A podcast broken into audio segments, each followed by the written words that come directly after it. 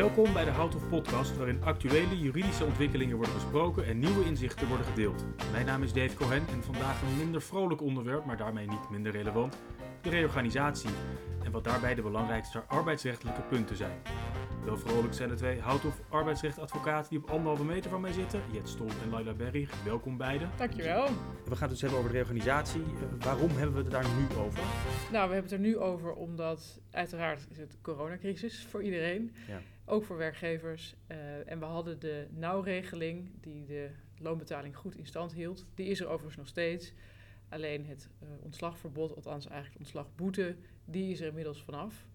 Waardoor werkgevers nu, uh, kan wel zeggen, vrij massaal tot een reorganisatie overgaan.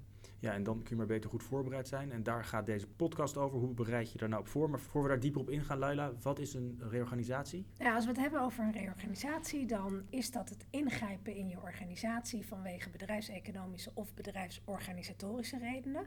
Um, Jet stipte net al aan uh, dat iedereen, of heel veel werkgevers er nu mee bezig zijn, uh, bedrijfseconomisch eigenlijk vanwege de coronacrisis. Maar deze gekke tijd waarin we zitten, leidt er voor heel veel werkgevers ook toe dat het een moment is om even de rust te nemen om te kijken van waar kom ik vandaan, wat heb ik tot nu toe steeds gedaan en wil ik zo ook verder. Dus dan zit je eigenlijk veel meer in het eigenlijk bedrijfsorganisatorische zonder dat er een directe, ernstige bedrijfseconomische noodzaak is op dit moment. Helder. Goed, we gaan uh, de reorganisatie in. De aanleiding is duidelijk. Wat het is, is helder. Wat gaan we doen? Er zijn vast en zeker een standaard stappen te zetten. Zeker. Um, en misschien goed om nog heel even af te baken is dat je ook nog het verschil hebt tussen een collectieve reorganisatie in de zin van een collectief ontslag en een gewone.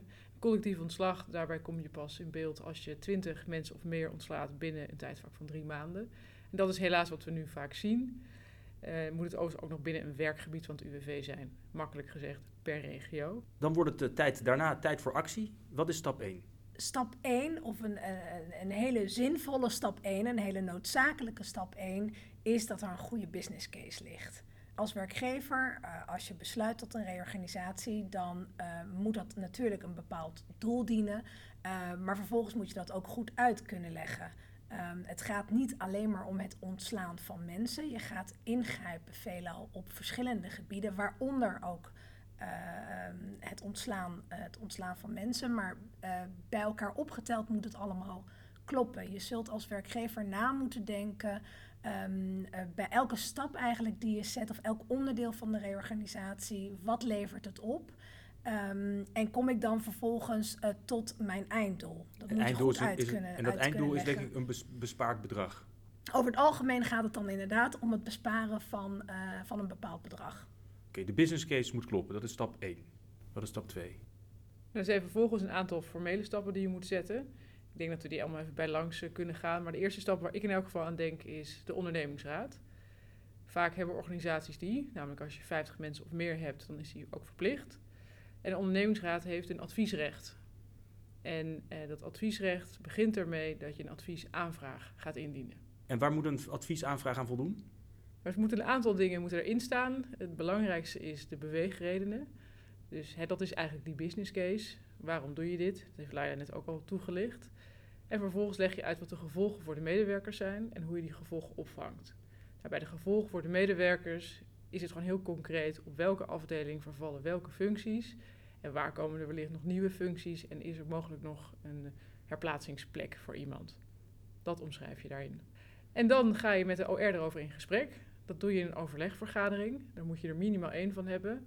In de praktijk, zeker als de organisatie wat groter is, zullen dat vele gesprekken zijn.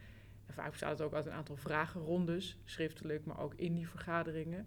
Zodat de OR gewoon ja, jou kritisch bevraagt op die business case. Klopt jouw plan? Daar, daar strijd denk ik aan tafel. De belangen zijn, staan misschien tegenover elkaar. Dat, dat kan. Een OR kan kritisch zijn en, en jou bevragen in de strijd. Maar ook is het vaak gewoon begrip krijgen van oké, dit is dan je plan, waarom ben je daartoe gekomen? En klopt het wel dat er op die afdeling dan zoveel mensen weg moeten? Zou dat niet een onsje minder kunnen zijn en juist misschien bij een andere afdeling wat meer ingrijpen? En als er dan uiteindelijk toch consensus is, tijd voor de volgende stap of nog niet? Ja, dan komt er hopelijk een positief advies. Daar zitten soms wel wat voorwaarden aan. Een van de belangrijkste voorwaarden, en dan komen we ook denk ik meteen bij de volgende stap, dat is vaak dat de OR graag een goed sociaal plan wil of een sociaal vangnet En waar, waar bestaat zo'n goed plan uit? Nou ja, mis- misschien goed om te zeggen ook dat eh, eh, dat klopt. De OR legt vaak een, een linkje naar eh, een sociaal plan wat ze graag zouden willen zien. Ik kom zo nog even op of dat nou verplicht is of niet en hoe dat dan precies werkt. Maar het is denk ik ook goed om te zeggen dat het over het algemeen zo is dat tijdens dat traject met de OR. dat de OR eigenlijk al wil zien dat je, dat je als werkgever goed nadenkt over die gevolgen en dat je dus ook al aan de slag gaat met bijvoorbeeld vakbonden. Ehm, nou, dat komt op zich goed uit, want als we het hebben over collectief ontslag, waar net al naar verwezen werd, dan ben je als werkgever op grond van de wetmelding collectief ontslag verplicht om een voorgenomen ontslag ook te melden bij het UWV. Op basis van die wetmelding collectief ontslag heb je dan ook de verplichting om het te melden bij de vakbonden en om de vakbonden te raadplegen. Dus het komt eigenlijk heel mooi bij elkaar. Wat de OR wil zien, hè, die, die, die, die een sociaal plan. Maar ook eigenlijk de verplichting eh, die voortvloeit uit de wetmelding collectief ontslag. Want je zult op basis daarvan ook al met de bonden moeten gaan praten. Ja, en bij die bonden, stel ik toch opnieuw de vraag, lijken mij ook tegenstrijdige belangen aan, aan te kunnen spelen. Ehm, En de bonden ken ik ook een beetje als strijdvaardig. Hoe gaat dat? Ja, nou, ik, ik, ik moet zeggen dat, dat mijn ervaring is dat ik, ik vind zelf dat strijdvaardige ook, ook wel leuk. Het zet eh, heel veel werkgevers eigenlijk ook aan het denken. Dus ik zou het zeker niet weg willen zetten als alleen maar negatief. Ja, het kan leiden tot wat strijd, want de belangen van de vakbonden lopen natuurlijk niet altijd gelijk aan de belangen van de werkgevers.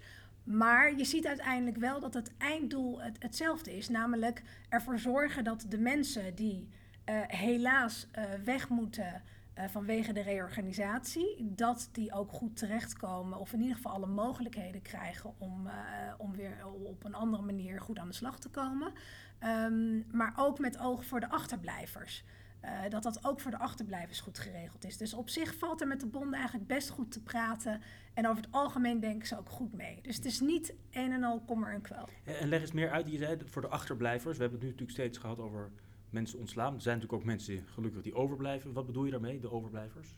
Nou, wat ik bedoel is, als je ehm, een, een reorganisatie hebt, dan, dan, dan pas je dus je organisatie aan. Dat betekent dat, eh, ja, heel simpel gezegd, je het met minder mensen gaat doen. Uh, maar de mensen die, uh, die jij behoudt, ja, daarvan, je wil daar natuurlijk wel een goede organisatie neerzetten.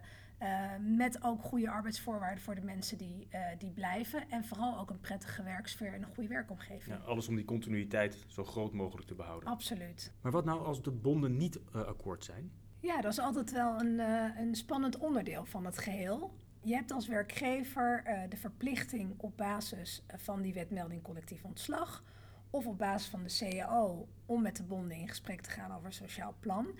Dat moet je, zoals wij dat in juridische termen noemen, zien echt als een inspanningsverplichting en niet als een resultaatsverplichting. Dus je moet aan kunnen tonen als werkgever dat je er alles aan hebt gedaan om tot een sociaal plan te komen. Dat houden we altijd bij door middel van, van aantekeningen over hoe de gesprekken met de vakbonden verlopen. Maar het is niet zo dat het vervolgens tot een sociaal plan moet leiden, want dat lukt helaas niet altijd. Maar dan kun je ook als werkgever zeggen, nou, ik zorg dat ik op papier alles heb gedaan wat ik moet doen. Maar meer is het niet. Het is een inspanningsverplichting, geen resultaatsverplichting. Ja, gelukkig zien de meeste werkgevers ook het belang wel in van, het, van, een, van een goed sociaal plan. Dus uh, over het algemeen werkt dat niet zo. Gelukkig maar. Nou, dan zijn de vakbonden zijn ook, gaan ook mee. Wat dan? Dan kom je eigenlijk pas bij de uitvoering. En veel werkgevers denken altijd dat ze het hebben gehad met de OR en de vakbonden.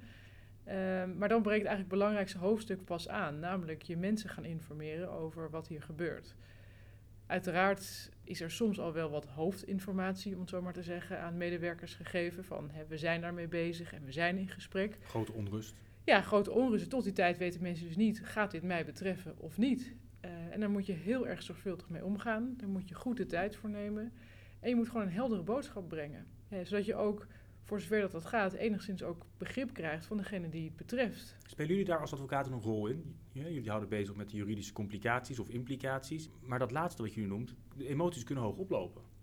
Ja, zeker. Kijk, daar begeleiden we onze cliënten zeker bij. Uh, wij zijn geen communicatiespecialist, maar we doen dit wel ontzettend veel. Uh, waardoor je daar inmiddels ook wel gevoel bij krijgt van Waar, wat willen mensen nou horen en wat willen ze niet? En iedereen wil hetzelfde dat je zelf wil, gewoon een faire behandeling. en tijd en aandacht voor jou. Hè? Dat er ook echt goed is gekeken naar jouw positie en niet dat je een van de tien bent die eruit vliegt. De, gewoon de menselijke maat. Ja, en ik denk dat heel veel cliënten ons wat dat betreft ook wel echt gebruiken als, als sparringpartner. Ehm, je moet je voorstellen dat uh, um, heel veel van onze cliënten doen bijvoorbeeld een reorganisatie voor het eerst. Um, die vinden dat spannend. Die, die, die, die zijn dan toch benieuwd van, goh, wat is dan jullie ervaring en hoe, uh, hoe kan ik dit het beste communiceren en hoe pak ik dit het beste aan? Ik, dat, dat, is wel mijn ervaring in ieder geval, dat er heel vaak gebeld wordt om even een plan uh, tegen je aan te houden en om daar gewoon met elkaar ook over te brainstormen. Hoe je dat het beste aanpakt en ook het beste naar je werknemers toe communiceert. Dan komen we op het punt dat alle betrokken stakeholders op één lijn zitten en er is vervolgens empathisch met de mensen die het treft gecommuniceerd.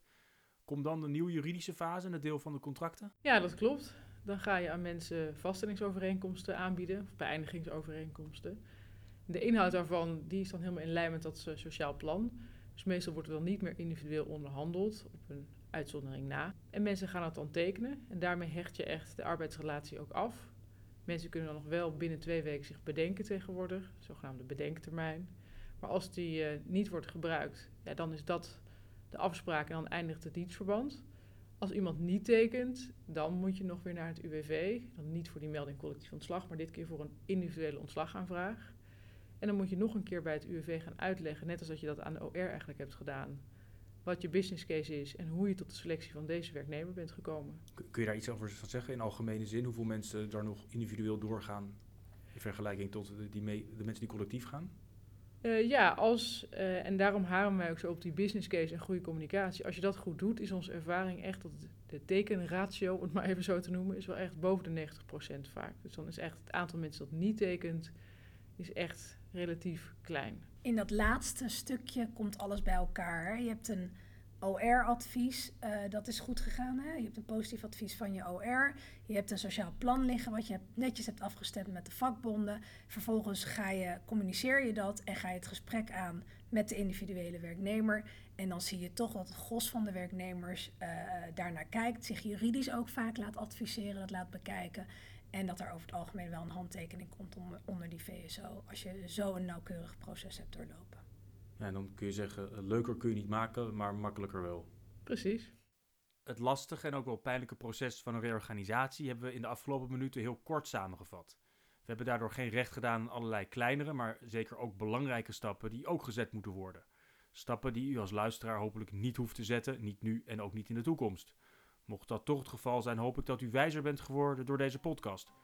Laila en Jet, veel dank voor jullie uitleg. Voor meer informatie kunt u terecht op houthof.com.